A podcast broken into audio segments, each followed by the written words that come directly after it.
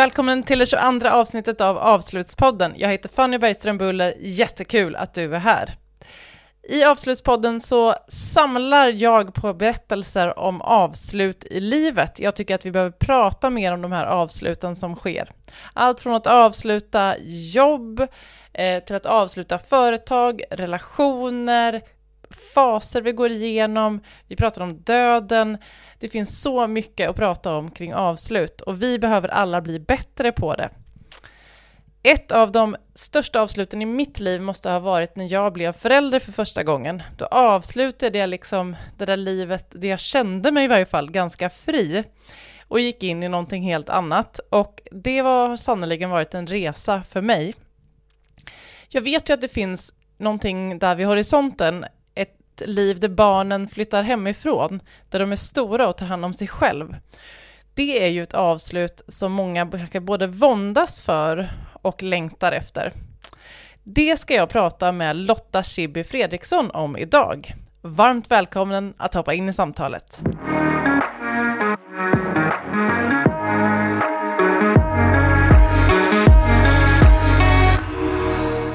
Välkommen Lotta Chibi Fredriksson till Avslutspodden. Tack Fanny. Och du är ju här idag för att prata om det här med liksom när barnen flyttar ut och relaterat till det så diskuterade vi just hur vi skulle presentera dig. Eh, du är ju väldigt många olika saker om man tittar liksom på ditt yrkesliv. Du har jobbat, haft många olika chefspositioner och styrelsepositioner och eh, jobbat mycket med affärsutveckling, utveckling av organisationer och individer. Så. Så är du ju också trebarnsmamma, vilket var det vi liksom skrattade lite åt, att det var det som var eh, mest relaterat till samtalet. Om vi börjar där. Vem är du som förälder och hur ser din familj ut? Det kan ju också vara intressant att veta. Ja, och jag kan bara reflektera över det där varför, varför vi skrattade lite. Därför att jag tror att som, som kvinna och trebarnsmamma så har jag nog kämpat lite med att inte det ska vara det första epitetet när jag, eh, när jag då har varit chef eller ledare eller vad jag har gjort. Så det är liksom en intressant sak. Samtidigt så är jag ju verkligen trebarnsmamma, apropå då vem, vem är jag som trebarnsmor? Nu förvisso till tre väldigt stora, kan man ens kalla dem barn när de är myndiga? Jag vet inte, men, men ungdomar. Men mamma är man ju alltid. Jag tänker att jag är inte en person som hade en, en så tydlig bild av mig själv som förälder. Jag var ganska, jag blev förälder ganska tidigt eh, och eh, var nog ganska famlande i det initialt. Men, men samtidigt sådär så otroligt målmedveten att jag nog skulle ha ett helt gäng barn. Det var helt självklart för mig. Vilket eh, skifte blev det för dig? Eller när fick du ditt första barn förresten? Hur gammal var du då? Ja, var, det var strax innan jag fyllde 30. Eh, så det var sådär tre månader innan jag fyllde 30 eller någonting. Uh, och uh, jag vet att för mig, det är så här, eh, apropå hur jag var då, så, så var det otroligt viktigt att jag skulle ha en 30-årsfest. Så min mamma fick ta hand om den lilla, lilla bebisen när jag skulle ha en stor 30-årsfest. För det skulle jag ha, liksom. jag skulle inte ge upp saker. Det, det var liksom det första, jag ville, vara liksom, jag ville fortsätta vara den jag var. Och det tog ett tag för mig när jag liksom kapitulerade för att det handlade inte om att att sluta vara någonting utan att faktiskt lägga till någonting istället. Det var där jag liksom landade i mitt föräldraskap tror jag, att jag först kämpade emot och inte ville ta bort och sen så blev det att jag insåg att nej, men jag lägger till och utvecklas istället. Kom den insikten med antalet barn eller var det någonting annat som, som skapade den insikten?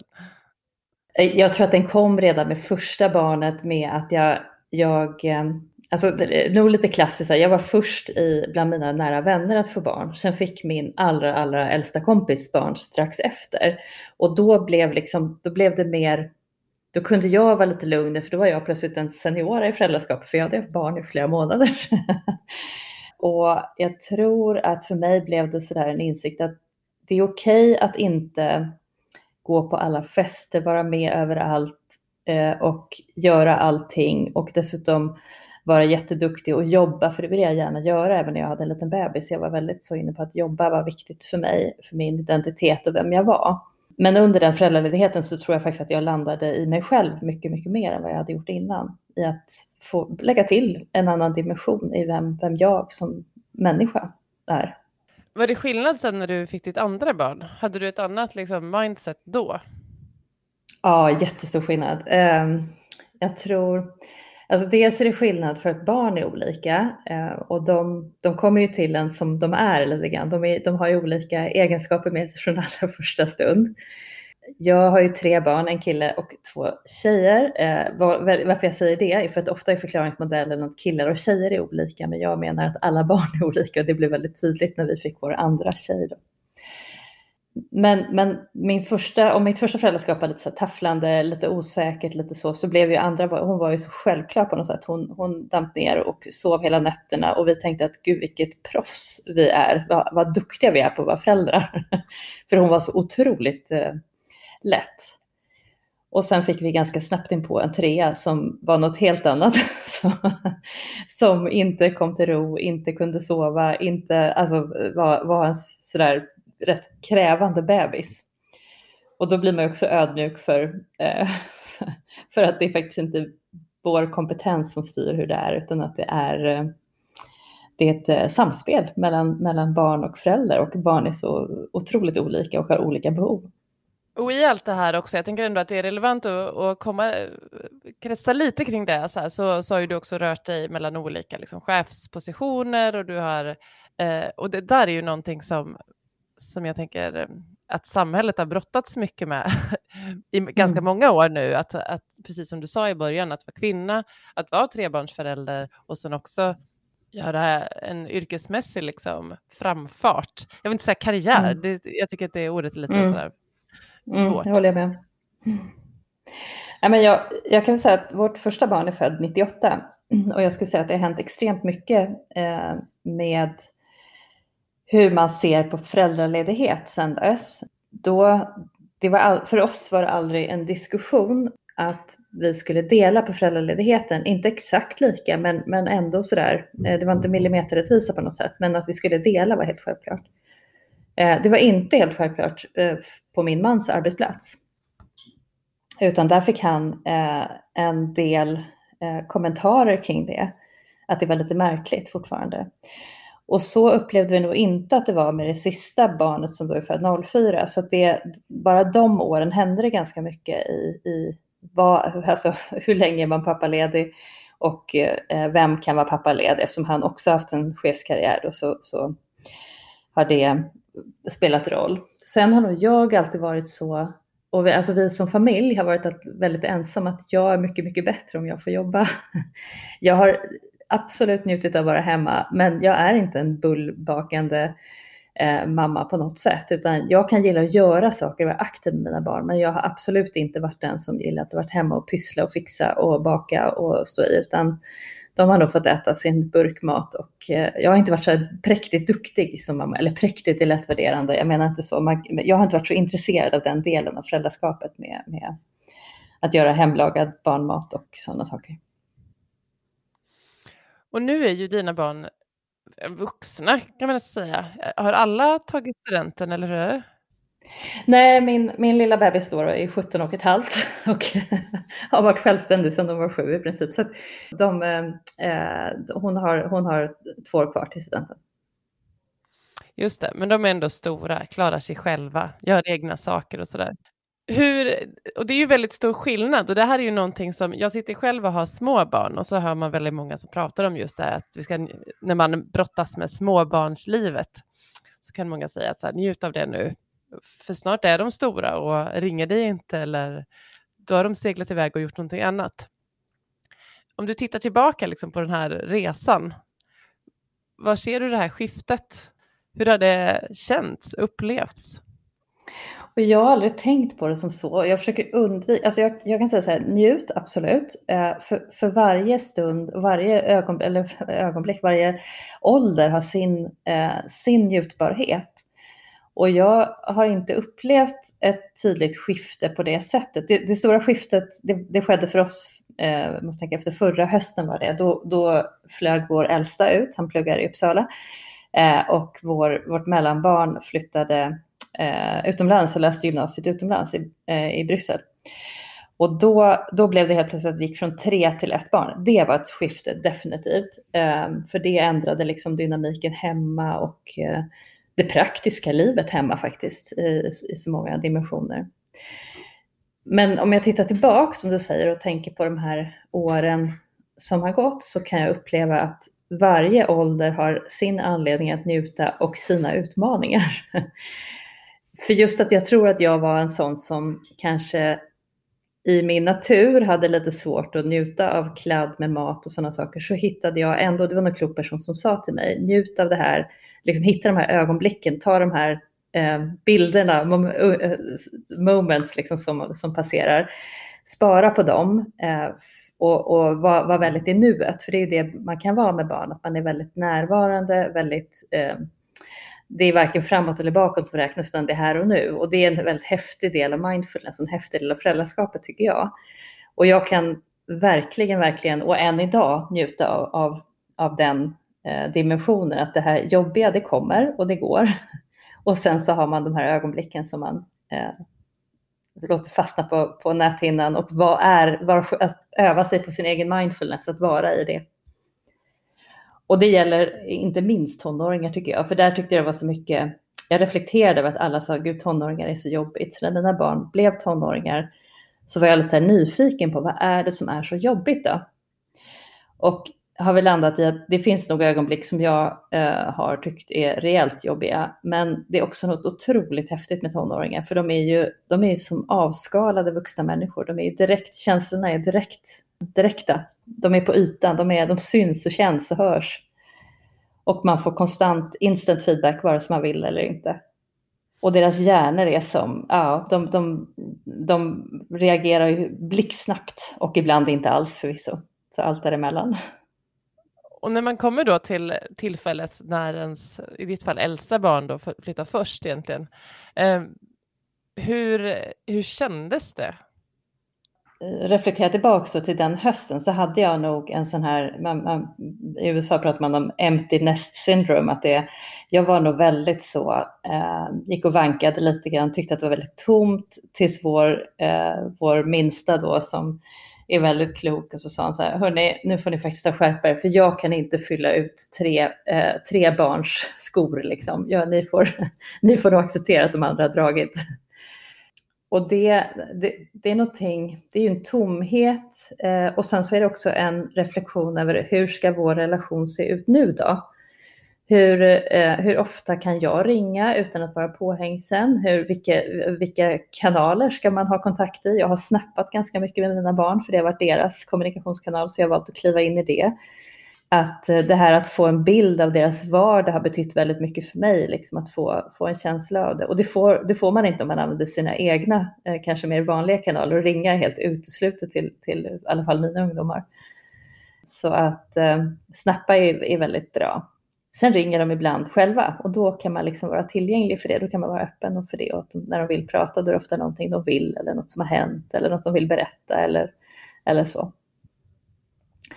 Så det var mitt sätt att förhålla mig till det. Ehm, men, men den stora utmaningen tycker jag har varit just där, hur ska vår relation vara nu då? För man, man slutar inte ha en relation på något sätt utan den växlar, den, den byter skepnad på något sätt och den, den blir någonting annat från vad den har varit och den handlar inte längre om ett beroende eller ett, eh, att de, de behöver mig på det sättet utan det, blir, det förflyttar sig till att bli en, en mer ömsesidighet i det kanske. Och jag kan tänka mig att man ibland känner att man vill så här, åh, jag saknar dig så mycket, den grejen. Går det bra? Liksom, kan man vara den föräldern? eller eller hur accepterar dina barn eh, sådana känslor från dig? Eller du kanske inte delar dem, eller? Jo, gud jo, det gör jag jättemycket. Eh, och jag, eh, det, där har det liksom faktiskt varit så att, att snappa dem har varit helt fantastiskt att, att eh, kunna då, för där är ju, det, den kanalen tillåter ju väldigt mycket hjärtan. Och jag har haft perioder när jag, eh, när jag sådär har behov av att säga godnatt till dem alla tre.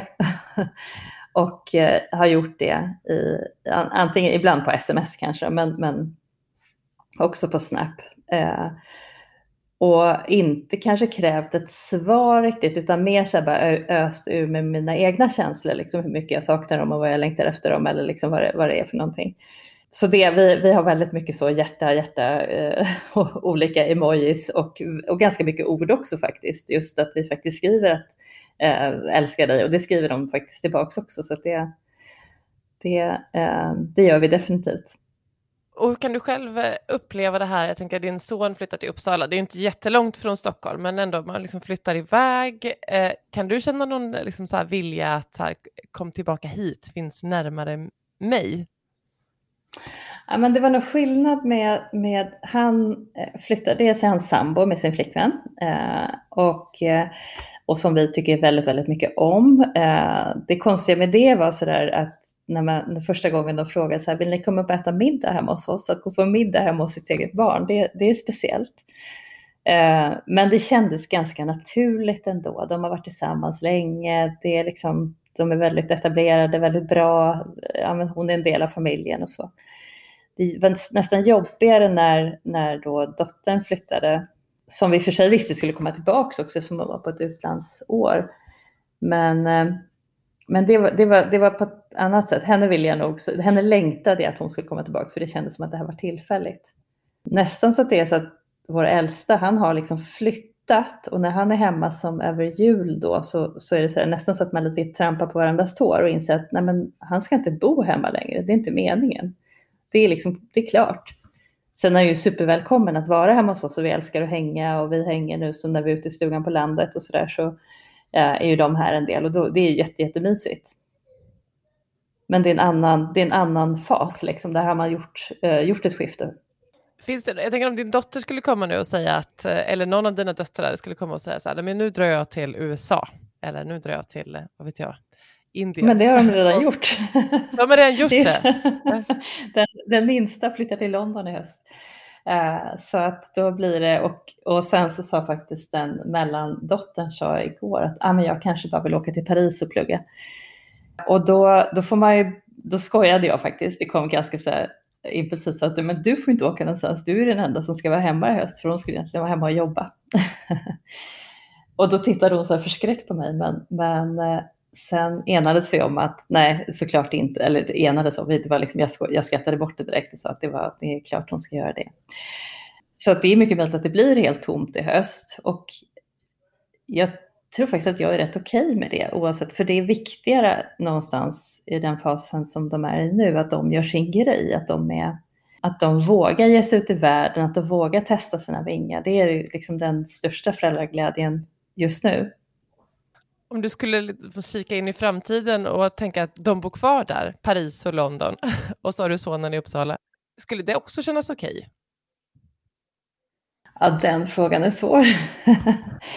jag tänker att det, tänker att det är ju inte mitt val, eh, utan där får man ju åka med och hoppas på jag, jag, tror att det är ett viktigt skifte som jag sa det som, som vår son som har en flickvän som vi tycker så otroligt mycket om och som verkligen är en del av familjen. Att det är nog där nyckeln ligger snarare än var de fysiskt bor. Eh, även om man inte kan träffas lika ofta så har ju vi under det här coronaåret har vi ju gått från att träffas ganska ofta till att träffas rätt sällan med dem. För Uppsala var ganska hårt drabbat och, och vi insåg att här ska vi inte hålla på och mixtra för mycket. Så att, och det, det är nog kanske inte frekvensen utan det är kontakten som är det viktiga. Att man liksom har den där känslan av att man har, sen kan man ju tänka i ett nästa steg att det är så att man skulle få barnbarn, då kan, då kan jag kanske känna sån där, ett behov av att vilja vara en del av deras vardag. Men där, den, den tanken har jag liksom inte ens knappt kommit till än. Men nej, just nu känns det viktigare att de, den största glädjen just nu är ju att de själva flyger, att de är att de eh, har drömmar och eh, framtidsvisioner och vill utvecklas och, och, hitta, sin, hitta sig själv och hitta sin kontext. Och vem, vem ska de bli i, den vux, i det vuxna livet? Nu vi pratar väldigt mycket om dina barn och ditt ja. barn. Jag tänker också i det här så ligger ju också den här relationen till sig själv gissar jag. Att man mm. då under många år har varit en föräldraperson väldigt mycket, i varje fall på hemmaplan som har fått lösa mycket praktiskt hela tiden. Och sen så, så finns det plötsligt mer och mer tid för en själv. Hur, hur har det skiftet sett ut för dig? Vad, finns det saker som du nu ser att du vill utforska och göra och hur hanterar du den där frihetsdelen som också kommer med detta? Min, jag kan citera min syster som sa att för varje barn som blir självständig så flyttar in en ny hund i Lottas liv. Så, det, så man får någon annan att ta hand om. Och, eh, nej men jag tror några saker. Dels, dels så kan jag säga att vi är ju vi är ganska tajt familj trots att de är stora kan jag uppleva. Eh, och jag kan få kvitton på att barnen säger det också, att vi, är liksom, vi har det. Och det, i det så finns det ju såklart, där är jag nog solklart liksom familjens projektledare, klassiskt kvinnligt, vilket kan svida lite när jag säger det, som jag samtidigt säger att jag har eh, att jobba har varit viktigt för mig och så. Därutöver skulle jag säga att vi är ganska jag och min man då är rätt jämnbördiga i allting, liksom att dela väldigt lika och har liksom ganska Eh, värderingsmässigt en, en, ett sätt att mötas kring det här som gör att det är enkelt. Och sen har vi väldigt roligt ihop, vilket gör att vi också ganska enkelt att hitta på saker. Det har, det har inte känts jobbigt. Eh, men vi är lite olika i det, för jag, jag är så här, ska vi åka till fjällen så är jag alltid först så här, ah, men vi hoppas att barnen vill följa med. Men sen så här, alltså vi kanske bara kan åka och bo på ett hotell du och jag. och det, där kan jag fortfarande vara så att jag gärna vill dra med dem. Eh, och jag tror han, han ser nog gärna att de är med, men, men eh, däremot så är inte det hans första tanke, medan det är alltid min första tanke fortfarande. Så jag har väl den, den liksom längtan att semester med familjen är härligt. Sen, sen har det varit ganska enkelt också. Det, det, jag, jag brukar säga att jag beundrar alla småbarnsföräldrar som är där du är Fanny, för det är ju en, det är ju en tid som är intensiv. Man, man laborerar med, liksom, lägger pussel och ska få ihop det och, och räcker inte alltid till. Och så, så kan jag minnas det med, med väldigt mycket tillfredsställelse och väldigt mycket härligt, men också ganska, eh, ganska tajt. Så. Det är inte så att det är jobbigt när man går tillbaks från det, utan det, är ju, det ger ju bara mer luft och frihet och man kanske läser en bok på ett annat sätt eller går ut och promenerar för sig själv eller, eller gör, umgås med kompisar eller kan spontant hitta på saker på ett annat sätt. Så det där, den, åt det hållet är det ju nästan lättare, eller för mig har det varit lättare i alla fall, än det var åt andra hållet att gå in i föräldraskapet när jag då, som, som jag inledde med, så att jag kände så här, vem är jag om jag inte får göra alla de här sakerna? Eh, och då kan man ju tänka att man har bara pausat alla de där sakerna en period och prioriterat annat. Och nu kommer de tillbaks igen, fast kanske inte, inte samma saker och inte på samma sätt, utan att det är lite, lite annorlunda. Man har ju förflyttat sig själv under, under de här åren också. Är det lätt att gå in mycket i jobb, tänker jag? Att, att man börjar jobba väldigt mycket mer när man plötsligt har mer frihet? Är det det som ligger närmast? Nej. inte, inte för mig eh, har det inte varit så. Jag har nog jag har haft perioder när jag jobbat väldigt, väldigt mycket. Eh, nu jobbar jag ganska eh, lagom. Eh, eller jag jobbar absolut mycket, men inte, inte på det hysteriska sättet som jag gjort i perioder. Och det beror också på vilken typ av roll jag har. Att jag har, jag har inte en chefsroll i dag, dagsläget, utan mer av en, en specialistroll. Och, och det det har jag gjort som ett aktivt val också i och för sig, för att jag kanske njuter extra mycket. Så det kanske snarare så att jag kan se att jag njuter av att ha balans i livet, njuter av att ha eh, utrymme för annat. Och nu har vi ett sånt otroligt speciellt år bakom oss, och det, det präglar ju också både arbetsliv och privatliv i vad man haft möjlighet att göra och inte göra. Men, men eh, Nej, jag, jag har väldigt lätt för att eh, hitta tillbaks till lusten i att leva och göra roliga saker, lära mig nya saker, att eh, eh testa nya grejer och så. Om du får drömma sådär om var du skulle befinna dig om tio år, när alla barn är utflugna, väletablerade på olika platser och du och din man är helt fria att göra vad, vad ni vill. Vad, ska, vad drömmer du om då? Det första som hände när du sa det, det, det är så här, jag, nej, jag har jättesvårt att tänka det.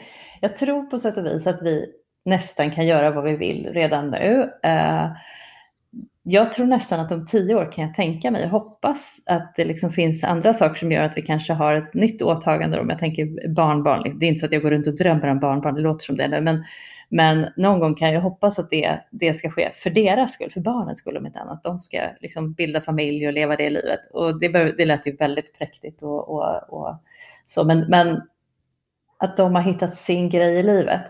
För min egen del så tänker jag att det vi gör nu, det är liksom det att fortsätta med det, det livet. Vi försöker göra det vi tycker är kul, vi försöker bygga en tillvaro där vi trivs.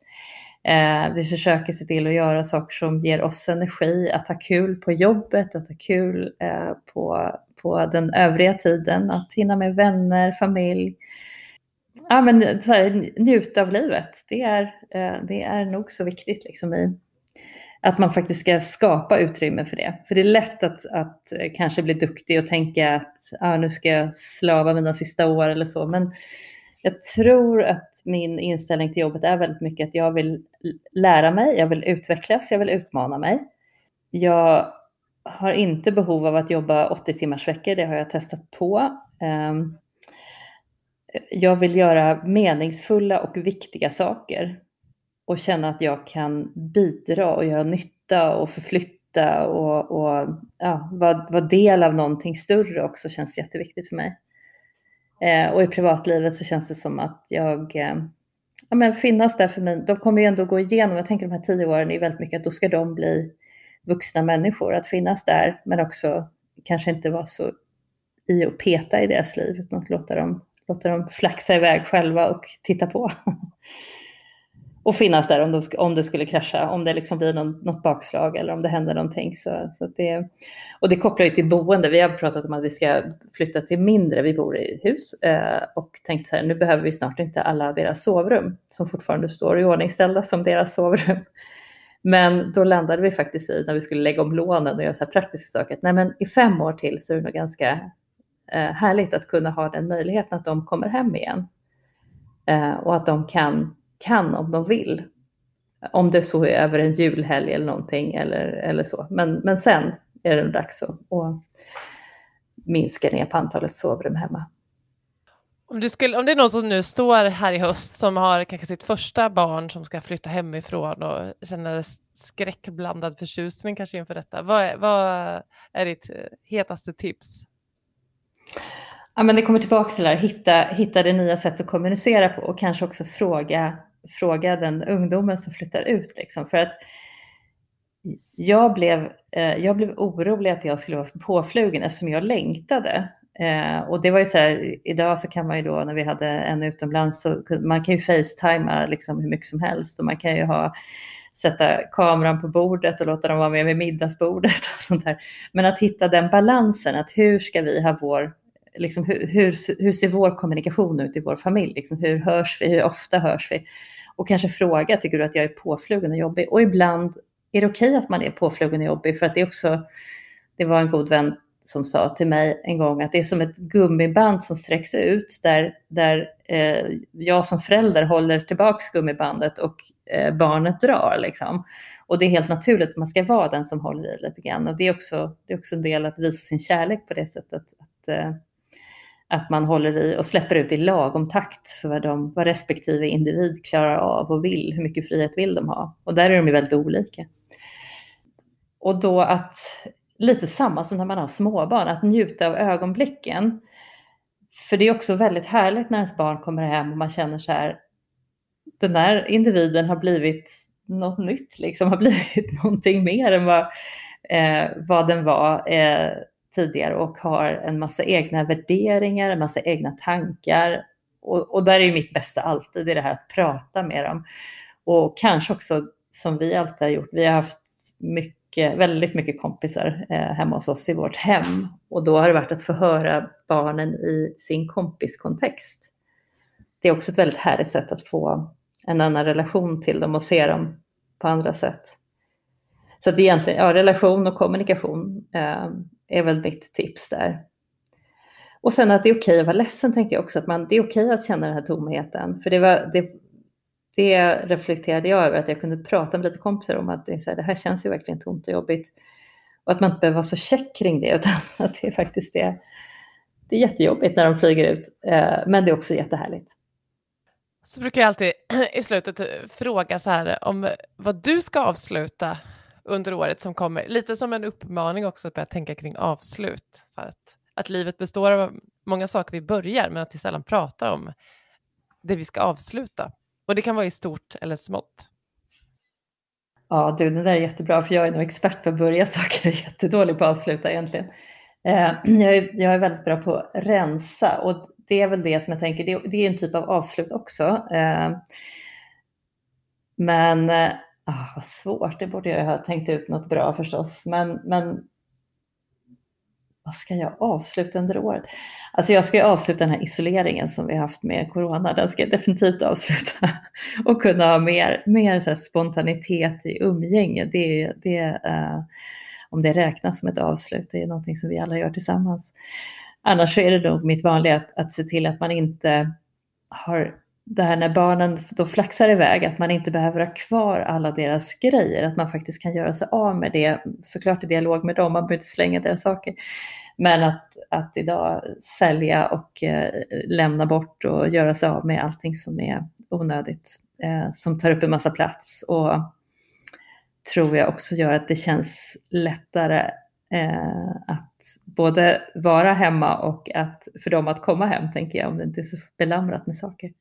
Och om man vill komma i kontakt med dig Lotta och prata om eh, allt ifrån eh, dina erfarenheter kring att barnen lämnar till eh, utveckling av eh, lärande individer och organisationer, vilken, var gör man det bäst?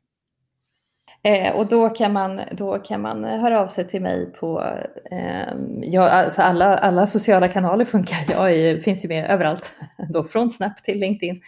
Allt sånt funkar eh, jättebra. Tack Lotta, det var jättekul att ha dig med och eh, många kloka tankar. Jag tar med mig dem här i ryggsäcken inför eh, det som komma skall. Det dröjer ju ett tag men, eh, men jag ska ha det med mig. Ja, vad härligt. Ehm, och tack själv Fanny, vad roligt att få prata med dig. Du får hemskt gärna dela dina tankar om Avslutspodden, antingen på Avslutspoddens Instagramkonto eller på Avslutspoddens Facebook-sida. Det är jättekul att höra vad ni tycker. Och så tycker jag ju såklart självklart att du ska gå in och följa Avslutspodden i din poddspelare och ge Avslutspodden ett betyg. Det här är som en liten revolution, en minirevolution. Fler behöver prata om avslut och när vi börjar göra det runt middagsbordet, då kommer det också bli lättare för oss att faktiskt lägga åt sidan sånt som vi inte längre behöver dras med. Med det så vill jag tacka för den här gången. Jag vill tacka dem som hjälper mig med den här podden och så hörs vi igen om två veckor.